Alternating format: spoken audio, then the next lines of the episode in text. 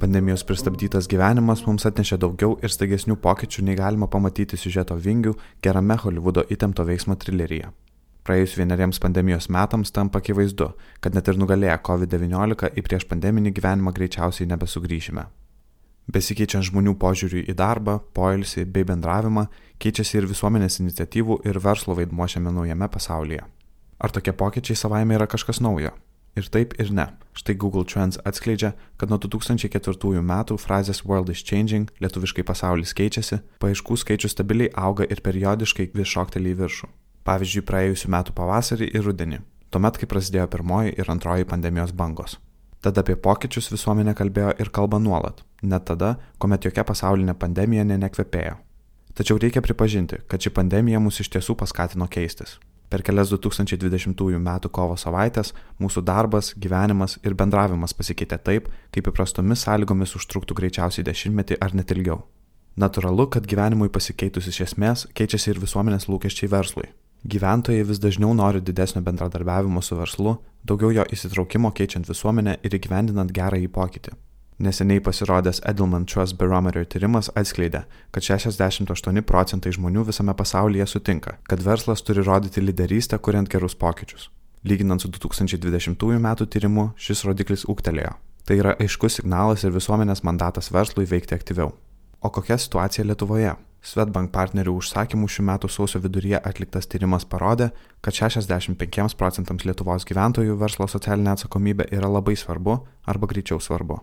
Paklausti, kaip jie supranta verslo socialinę atsakomybę, respondentai dažniausiai minėjo rūpinimąsi darbuotojais, dėmesį aplinkai bei tvarumą ir Lietuvos problemų sprendimą. Kitaip tariant, gerų ir tvarių pokyčių kūrimą. Akivaizdu, kad Lietuva kartu su visu pasauliu yra tame pačiame pasaulinių tendencijų traukinyje. Šį įgalinimą verslui kurti gerus pokyčius suteikia vis didesnę ekonominę galę įgaunančios tūkstantmečio bei Z kartos. Interneto amžiuje užaugę žmonės iš įmonių ir prekių ženklų nori žymiai daugiau nei tik pirkėjo ir pardavėjo santykių.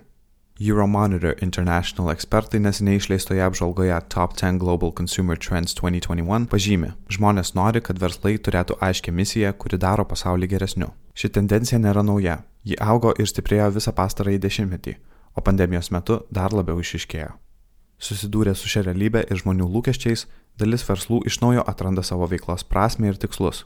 Modernių įmonių tikslai dažniausiai yra tvariai aukti, kurti darbo vietas, rūpinti savo darbuotojais bei uždirbti pinigus, kuriant naudą visuomeniai. Būtent tai ir yra, ko visų pirma iš verslo tikisi visuomenė. Čia išiškėja verslo sektoriaus ir gerus pokyčius kuriančių nevyriausybinių organizacijų partnerystės svarba. Tokios partnerystės dažniausiai būna sėkmingos tada, kai sutampa verslo ir kitų partnerių nevyriausybinio organizacijų vertybės bei tvarios ateities vizijos. Kitaip tariant, DNR.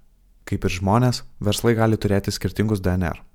Vieniems geresnis pasaulis yra pasaulis be aplinką teršiančių automobilių, kitiems su visuotinai prieinamu internetu. Pavyzdžiui, Svetbank Lietuvoje DNR sudaro trys pagrindiniai elementai - finansinis raštingumas ir edukacija, verslumo skatinimas bei tvarumas. Šie elementai glaudžiai susiję ir prisideda prie jungtinių tautų darnaus vystimosi tikslų įgyvendinimo. Praėjusiu metu gruodį apklausus Lietuvos mokytojus paaiškėjo, kad dirbant nuotoliniu būdu jiems trūksta kūrybiškos metodinės medžiagos. Taip pat mokytojai nurodė praleidžiantis kur kas daugiau laiko nei įprastai pamokų pasiruošimui. Todėl kartu su įvairių sričių ekspertais buvo organizuota didžiausia nuotolinė pamoka ekonomika apie finansinį raštingumą, pilietiškumą, tvarumą, kūrybą ir kitus moksleiviams aktualius dalykus. Kadangi tokios pamokos poreikis buvo labai organiškas ir tuo metu ypač reikalingas, moksleiviai, mokyklos, švietimo bendruomenė atsiliepė į šią iniciatyvą ir šią pamoką stebėjo virš 200 tūkstančių žmonių. Tai rezultatas, kuris viršijo lūkesčius. Kuriant tvarias partnerystės ir ieškant sąlyčio taškų, gali sutapti ne tik DNR, bet ir papildomi vartikliai.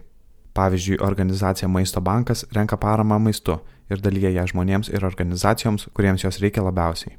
Šalia to šiai organizacijai rūpi ir tvarumo, atsakingo maisto vartojimo ir nešvaistimo aspektas. Apskaičiuota, kad vienas Lietuvos gyventojas vidutiniškai išmeta 60 kg įvairių maisto produktų. Tad noras atkreipti dėmesį į maisto švaistimo problemą ir klimato kaitos iššūkius tapo papildomų partnerystę su Svetbank vardikliu. Tvariuose partnerystėse visada pravartu ieškoti to, kas vienyje verslą ir konkrečius MVO, bandyti atrasti papildomas naudas ir žinoma svarbiausia ieškoti to, kas neša konkrečią naudą visuomeniai. Atrodo paprasta kaip du kartu, tačiau užsisukus kasdienybės ir darbų rutinos magračiuose, šią tiesą reikia kasdien atrasti iš naujo. Komentarą paruošė Svetbank socialinių iniciatyvų vadovas Ernestas Ramonas. Įgarsino Kristijonas Vaičiukauskas.